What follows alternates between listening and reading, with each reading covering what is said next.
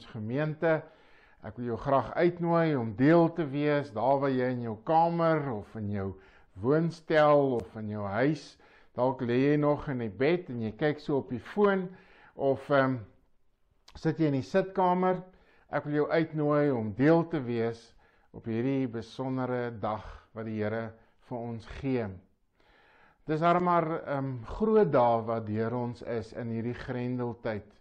Ons het saam Paasfees gevier, ons het nagmaal gebruik en nou is ons later by die opstanding en die hemelvaart wat nou vandag ons ons weer na terugkyk en um, en volgende week begin ons met ons Pinkster reeks en ons is bevoorreg om vir Pieter van Sail te hê om ons Pinkster ook aan te bied en deel te wees. So ek wil jou graag uitnooi van Sondag, Maandag, Dinsdag en Woensdag en weer volgende Sondag op ons Pinkster Sondag eh, om deel te wees van hierdie besondere geleentheid. Ek wil jou graag vanoggend groet met die woorde wat Jesus wanneer hy tussen sy disippels na sy opstanding verskyn het, het hy vir hulle gesê vrede vir julle. En dis my gebed dat jy vanoggend vrede sal hê dat die Here in jou hart sal volmaak deur sy teenwoordigheid en uh, dat jy sy liefde in genade belewe. Kom ons bid saam.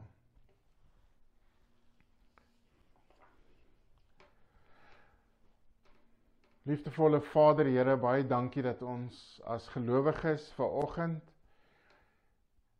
ook saam met u disippels, saam met die apostels, almal wat u gevolg het hier saam kan wees op die Olyfberg.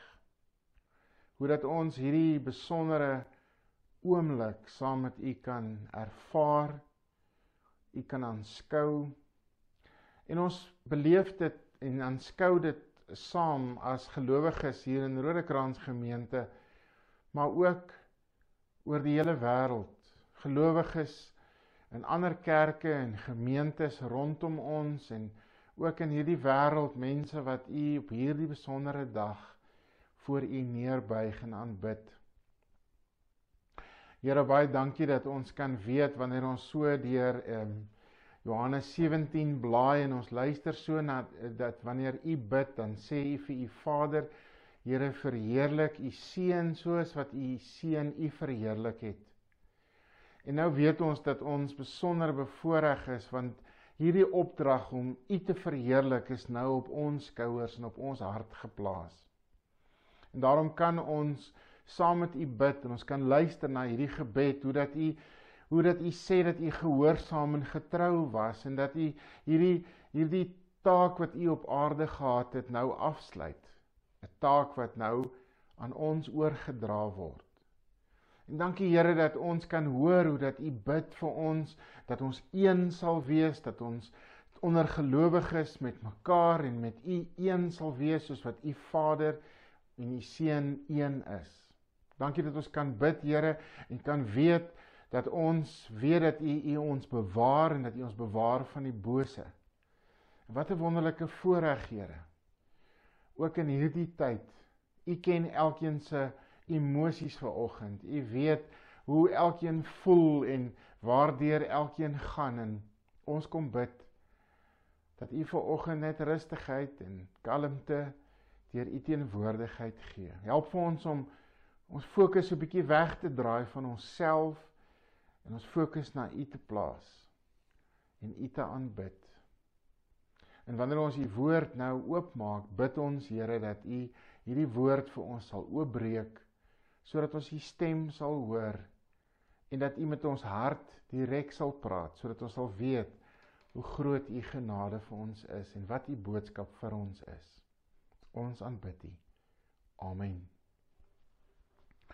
Ek wil graag saam met jou uit die Here se woord lees in die gedeelte wat ek saam met jou wil deel is die woorde in die eerste boek uh eerste hoofstuk van die boek Handelinge En uh dit is Lukas wat hier praat en dan sê hy my eerste boek Theophilus het ek geskrywe oor alles wat Jesus gedoen en geleer het van die begin af tot op die dag van sy hemelvaart Voordat hy in die hemel opgeneem is, het hy deur die Heilige Gees beveel gegee aan manne wat hy as apostels uitgekies het.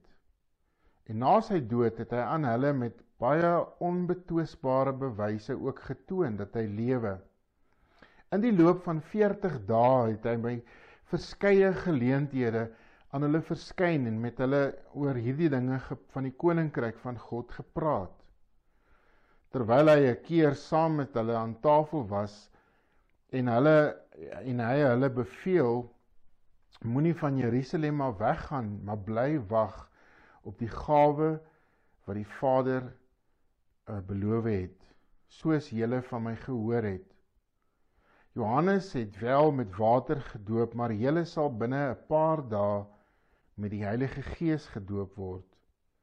Toe hulle 'n keer weer bymekaar was, het hulle vir Jesus gevra: "Here, is dit nou die tyd dat U die koninkryk vir Israel weer gaan oprig?" Hy het hulle geantwoord: "Dit is nie vir julle om die tyd en die omstandighede te ken wat die Vader in sy eie mag bepaal het nie." Maar julle sal krag ontvang wanneer die Heilige Gees oor julle kom. En julle sal my getuies wees in Jerusalem sowel as in die hele Judea en in Samaria en tot aan die uithoeke van die wêreld. Nadat hy dit gesê het, is hy opgeneem terwyl hulle dit sien en 'n wolk het hom weggeneem sodat hulle hom nie langer kon sien nie. En terwyl hulle Terwyl hy weggegaan en aan hulle het hulle nog stip na die hemel gekyk. Het daar skielik twee mans in wit klere met hulle by hulle gestaan. Toe sê hulle vir vir vir die disippels: Galileërs, waarom staan julle so na die hemel en kyk? Hierdie Jesus wat van julle af weggeneem na die hemel, toe sal ook terug terugkom soos julle hom na die hemel toe sien opgaan. 'n Mens kan amper vir jouself 'n prentjie kry van wat hier gebeur en hoe ehm um, Lukas wat hierdie boek Handelinge skryf, hier begin. So 'n prentjie van van 'n ou man wat wat daar in sy spreekkamer, want hy was 'n dokter gewees, in sy spreekkamer seker agter die tafel gesit het vir hoe dit in daai tyd sou lyk. En uh, jy sou seker so in die agtergrond sal jy nog sal jy nog 'n paar eh, ou ehm um, botteltjies kry, medisyne kry.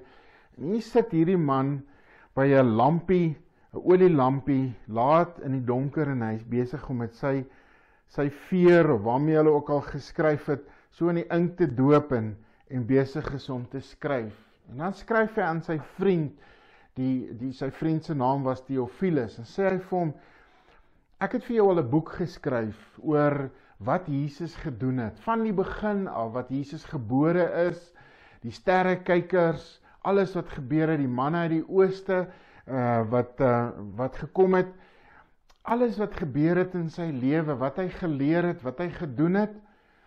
En nou na sy na sy opstanding begin ek nou hier in Handelinge die tweede boek te skryf vir jou om te vertel van wat het toe gebeur daarna Kyk as daar nou mense is wat kan vertel van van 'n 'n 'n tweede hoofstuk, 'n tweede boek in hulle lewe, dan dan kan ons dit dalk nou sê.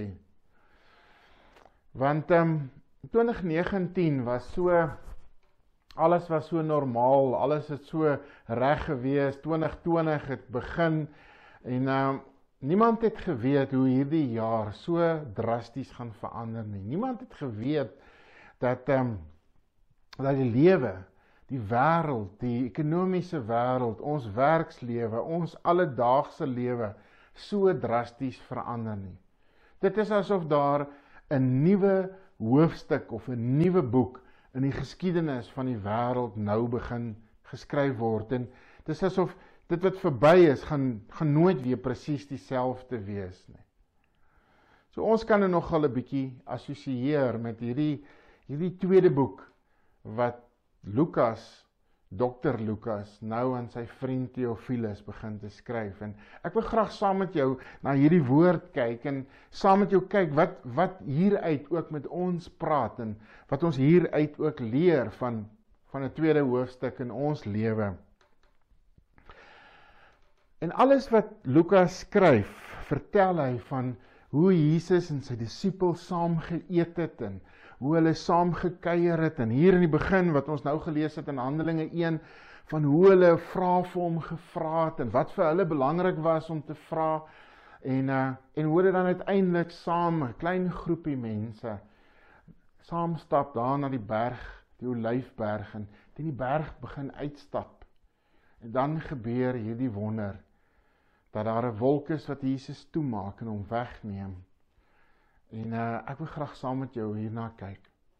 Dan kan ek begin deur vir jou te vra hoekom kyk jy nou? Hoekom het jy nou YouTube link aangesit en uh jou TV reg gekry of jou selfoon? Hoekom doen jy hierdie moeite? Hoekom is jy nou deel van alles wat nou hier gebeur? En miskien in in die in die in die dae voor voor die virus as dit nog normaal sou wees soos ons dit geken het, dan sou jy waarskynlik uh vanaand jou klere aangetrek het, mooi kerk toe gegaan het en hemelvaart saam met die ander gelowiges gevier het. En ek wil graag vir jou vra hoekom? Hoekom doen jy dit? Want jy sien ek en jy is deel van 'n baie klein groepie mense wat hierdie gebeurtenis aanskou. Dit is so deur Lukas se woorde, deur die werking van die Heilige Gees in ons lewe dat ons die geleentheid kry om saam met hierdie groepie by te wees. En wat hy ou opval is is dat is dat ehm um, daar nie 'n paviljoen opgesit is om hierdie groot gebeurtenis te sien nie. Dis nie soos soos soos wanneer hulle pendeltuig opstyg in in die ruimte in dan word daar 'n groot paviljoen opgesit en mense kyk en ouens neem met hulle kameras met lang lense neem hulle hierdie pendeltuig wat opstyg of vuur vuurpyl wat opstyg neem hulle af. Dit is nie so nie. Ons is as ons deel is van wat hier gebeur in Hemelvaart. Is daar nie plek vir 'n toeskouer nie. Daar is nie plek vir vir my en jou om maar net op 'n afstand te gaan staan en en net so op 'n afstand ook hierdie groot gebeurtenis sien nie want jy sien die rede hoekom jy die moeite gedoen het om hierna te kyk en om deel te wees van hierdie erediens is omdat in jou lewe soos in my lewe daar 'n dag en 'n tyd was wat ek die pad gestap het in die lewe en wat Jesus langs my begin stap het met my begin praat het en met jou begin praat het.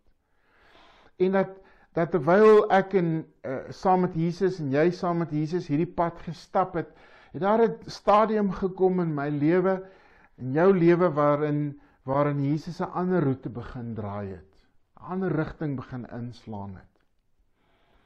En omdat ons hom begin dien en hom glo, het ons hierdie roete saam met hom verder begin stap.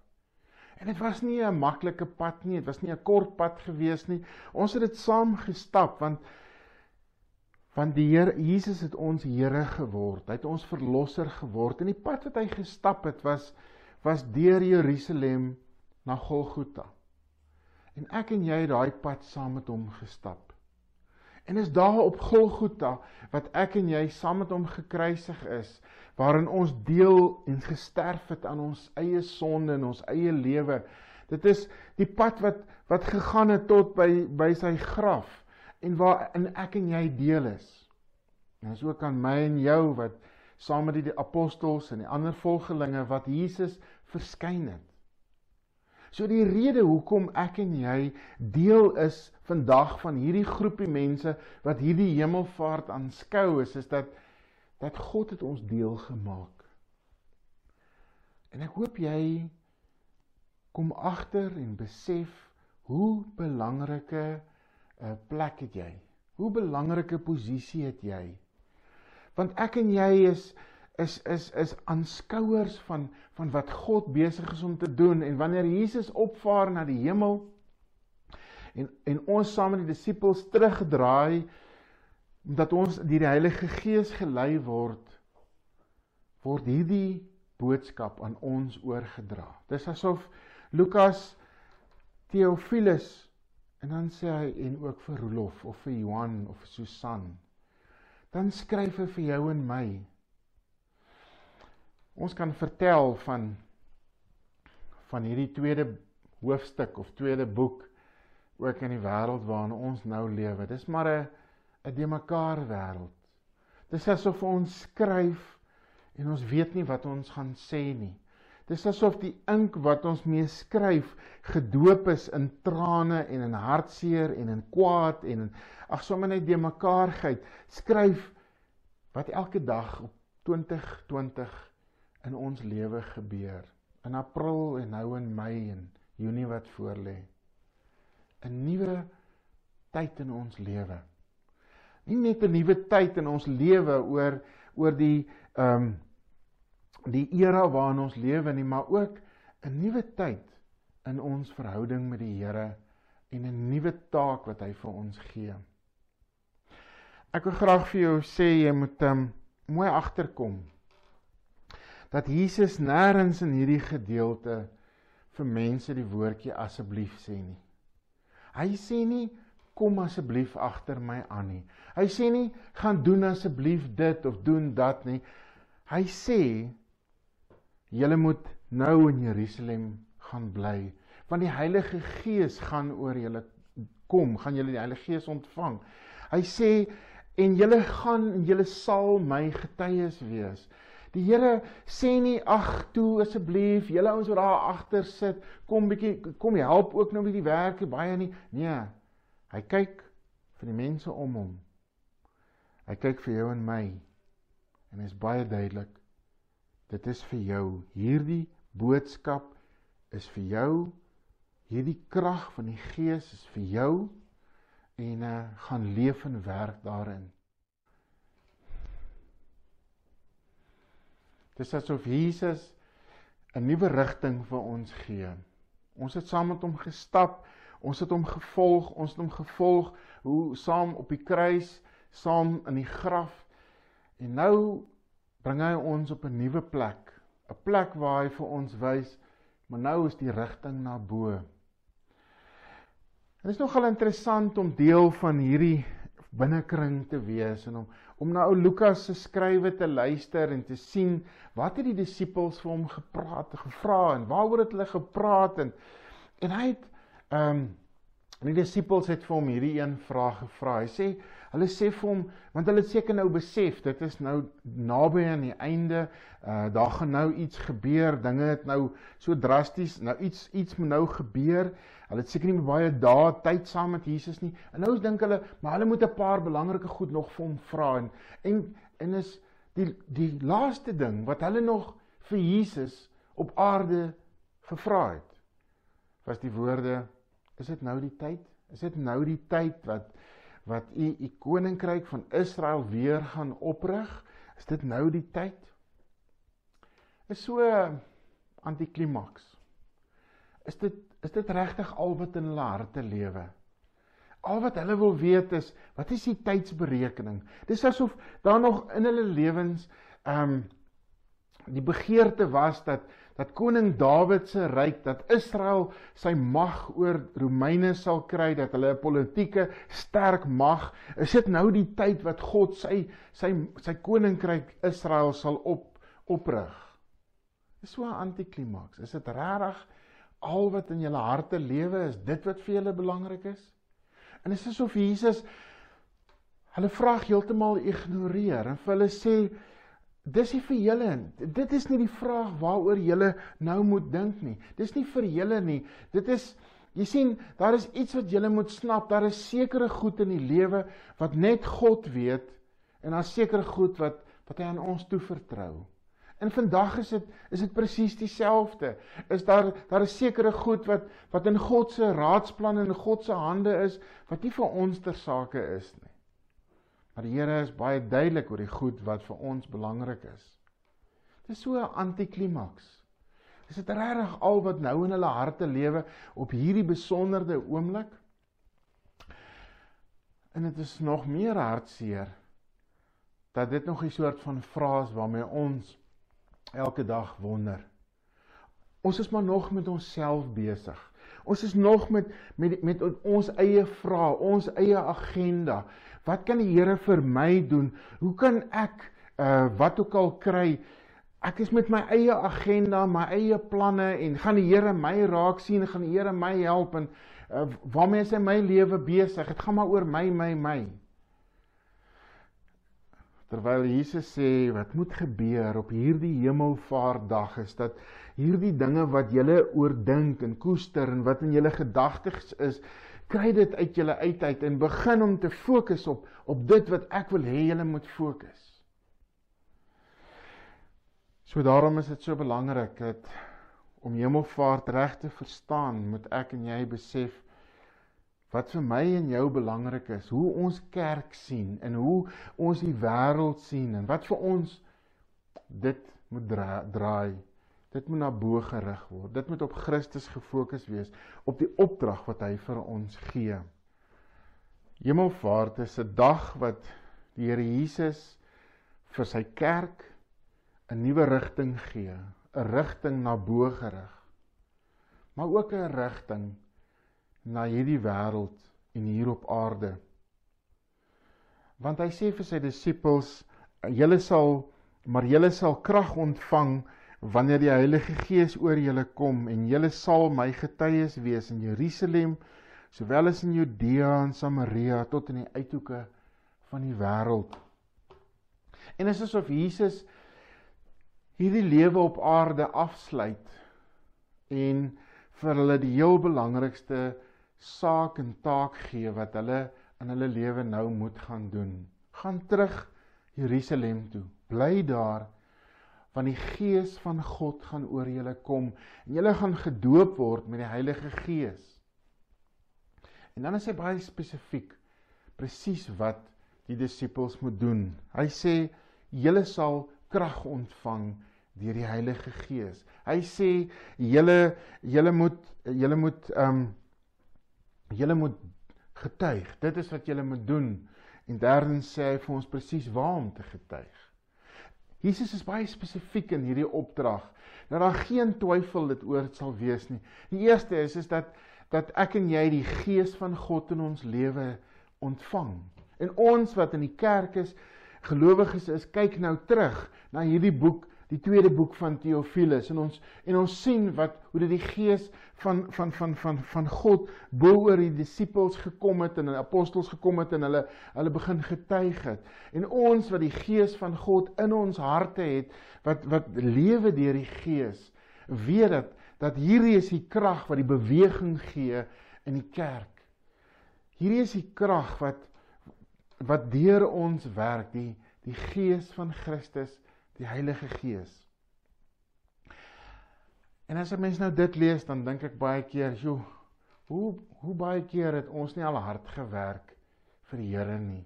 Hoeveel goed het ons nie al probeer reël en probeer organiseer en mense probeer oortuig en hoeveel keer het ons deur die krag van die Heilige Gees gewerk en nie deur ons eie krag nie? Hoeveel van die moeite en die goed wat ons doen, het ons met onsself, ons eie idees en ons eie goed te begin.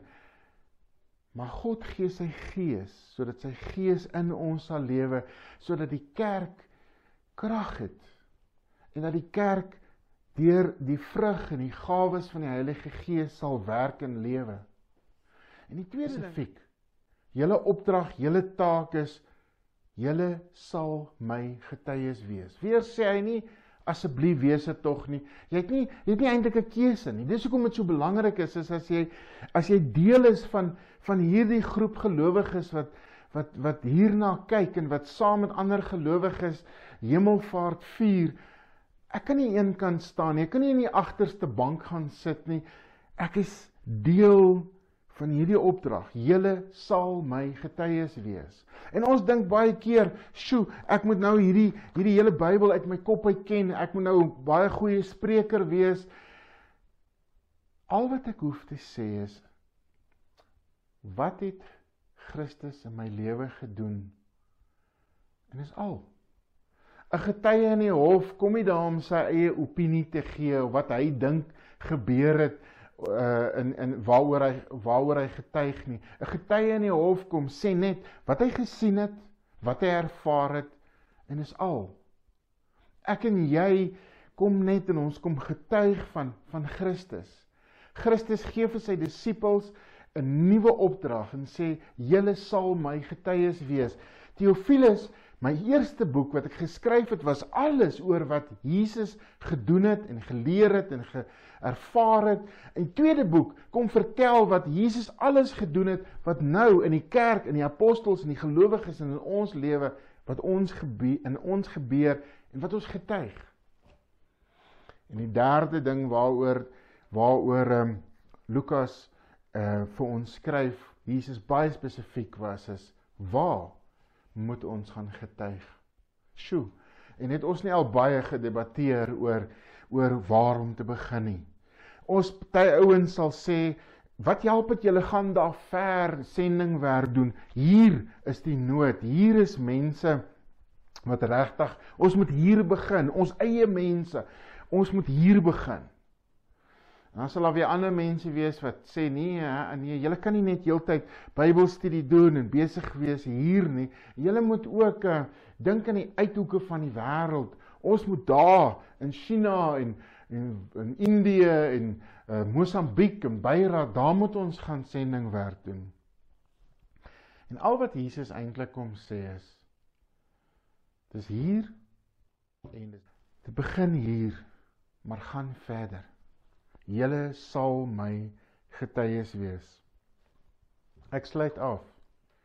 Mens kan amper vir ou Lukas sien wanneer hy daar in sy agter sy hout lessenaartjie sit en met sy met sy pen veer wat ook al so in die ink doop en skryf dan vertel hy vir sy vriend Theophilus van alles wat hy beleef het. En dan kom sê hy maar ek skryf nou 'n tweede boek. Ek gaan jou nou verder vertel.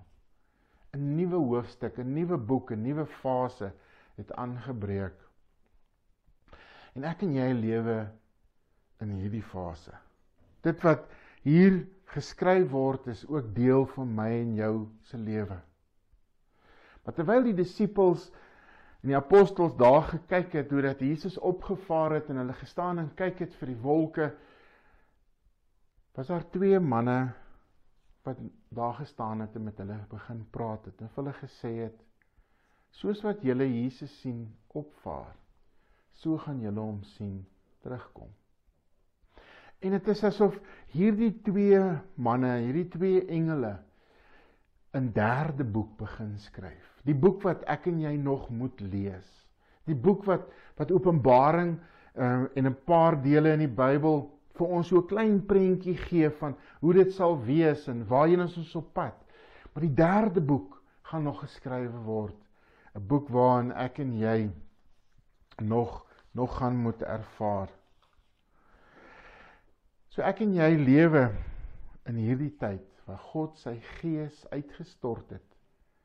En ek en jy is getuies daarvan en ek wil jou graag uitnooi. Daar is 'n spesifieke rede hoekom jy nou na hierdie boodskap luister. Daar is 'n spesifieke pad wat die wat die wat Christus met jou stap want jy sien ons kan ons kan amper sê ons weet nou hoe om 'n nuwe hoofstuk of 'n nuwe boek te begin. 2019, 2020 totaal anderste. Maar miskien is dit ook 'n nuwe hoofstuk of 'n nuwe boek in jou lewe. Miskien is dit deur alles wat jy gaan, hoe dat jy gestroop is van 'n klomp goeders in jou lewe, van onsekerheid wat nou in jou lewe is, van die ankers waarop jy uh, vasgehou het, weggevat is, die huis wat jy dalk op sand gebou het in jou lewe, onder jou wegspoel, is hierdie 'n nuwe tyd. 'n Tyd wat jy weer saam met God kan stap, waar hy sy gees vir jou gee en waar jy in hierdie oomblik deel word van hierdie kring gelowiges. Hierdie kring wat die Here vir ons gebruik om uit te stuur. Mag jy die genade en die liefde van die Here in hierdie tyd ervaar. Amen. Onse Vader Here, dankie vir u woord. Dankie Vader dat ons aan u woord kan vashou en dat u woord vir ons 'n getuie is van van wat gebeur en hoe dat hoe dat u mense se lewens ingrypend verander. Wat 'n wonderlike voorreg is dit nie dat nou paar eeue later kan ons hierdie selfde ervaring in ons lewe hê. Kan ons deur dit wat die Gees in ons lewe doen, die pad hoe dat U ons roep om terug te kom na U en te luister na U stem, hoe dat U ons deel maak van die getuies van van U grootheid en U mag. Dat ons nou op hierdie oomblik ook kan weet, Here, U bring my nader. U lig my kop op en U wys vir my waarheen is ons op pad. En dan vat U my oë en dan draai U dit terug na Jerusalem en Judea, Samaria, na die uithoeke van die aarde toe. En dan weet ons U het vir ons 'n roeping nou hier. Dankie Here vir U genade. Help vir ons om dit waarmee ons so gepreokkupeer, so vashou, so argumenteer en debatteer en wat waaroor goeie wat vir ons belangrik is. Help ons om dit vry te kom daarvan en te besef wat wil U hê en wat is die fokus wat U vir ons hier gee? En help ons om 'n getuie te wees. Ons ons begeer elke oomblik om in die Heilige Gees te te lewe. En daarom bid ons ook vir hierdie Pinkstertyd in ons gemeente wat voorlê. Ons ons bid vir Pieter en vir sy voorbereiding en ons ons bid Vader dat U sy woord sal seën en al doen ons nou dit nou so op 'n eh, op internet Here dat dit niks wegvat van die krag en die teenwoordigheid van u gees in ons lewe nie. En al kon ons nou nie na die tyd so lekker saam kuier in die saal en sop drink soos soos wat ons gewoonlik doen nie dat dat daar tog 'n band van liefde en 'n verlange na mekaar sal wees om mekaar te kan sien en om in u teenwoordigheid te kan wees. En dat dat ons sal sien dat u werk wat u in ons gemeente en in ons lewens doen en in die kerk reg oor die wêreld doen dat dit kragtig is. Ons sien uit daarna dat die derde boek oopgemaak sal word. Want U is die een wat waardig is, die lam wat geslag is, wat waardig is om hierdie boek van die lewe oop te maak. Ons aanbid U. Amen. Ek wil jou graag uitnooi om um, hierdie Pinkstertyd saam met ons gemeente elke dag, wanneer jy ook al uh tyd kry, tyd maak in die aand miskien uh saam uh die video kyk en ehm um, dat jy ook hierdie pad saam met jou saam met ons sal stap. Ek gaan aan die einde van die diens gaan ek vir jou die temas weer gee van hierdie week en Sondagoggend begin Pieter ehm um, begin hy met hierdie reeks. My gebed is dat jy dit sal seënvol ervaar en daarom wil ek ook die genade van Here Jesus Christus en die liefde van God en die gemeenskap met die Heilige Gees ook vir jou toe bid. Amen.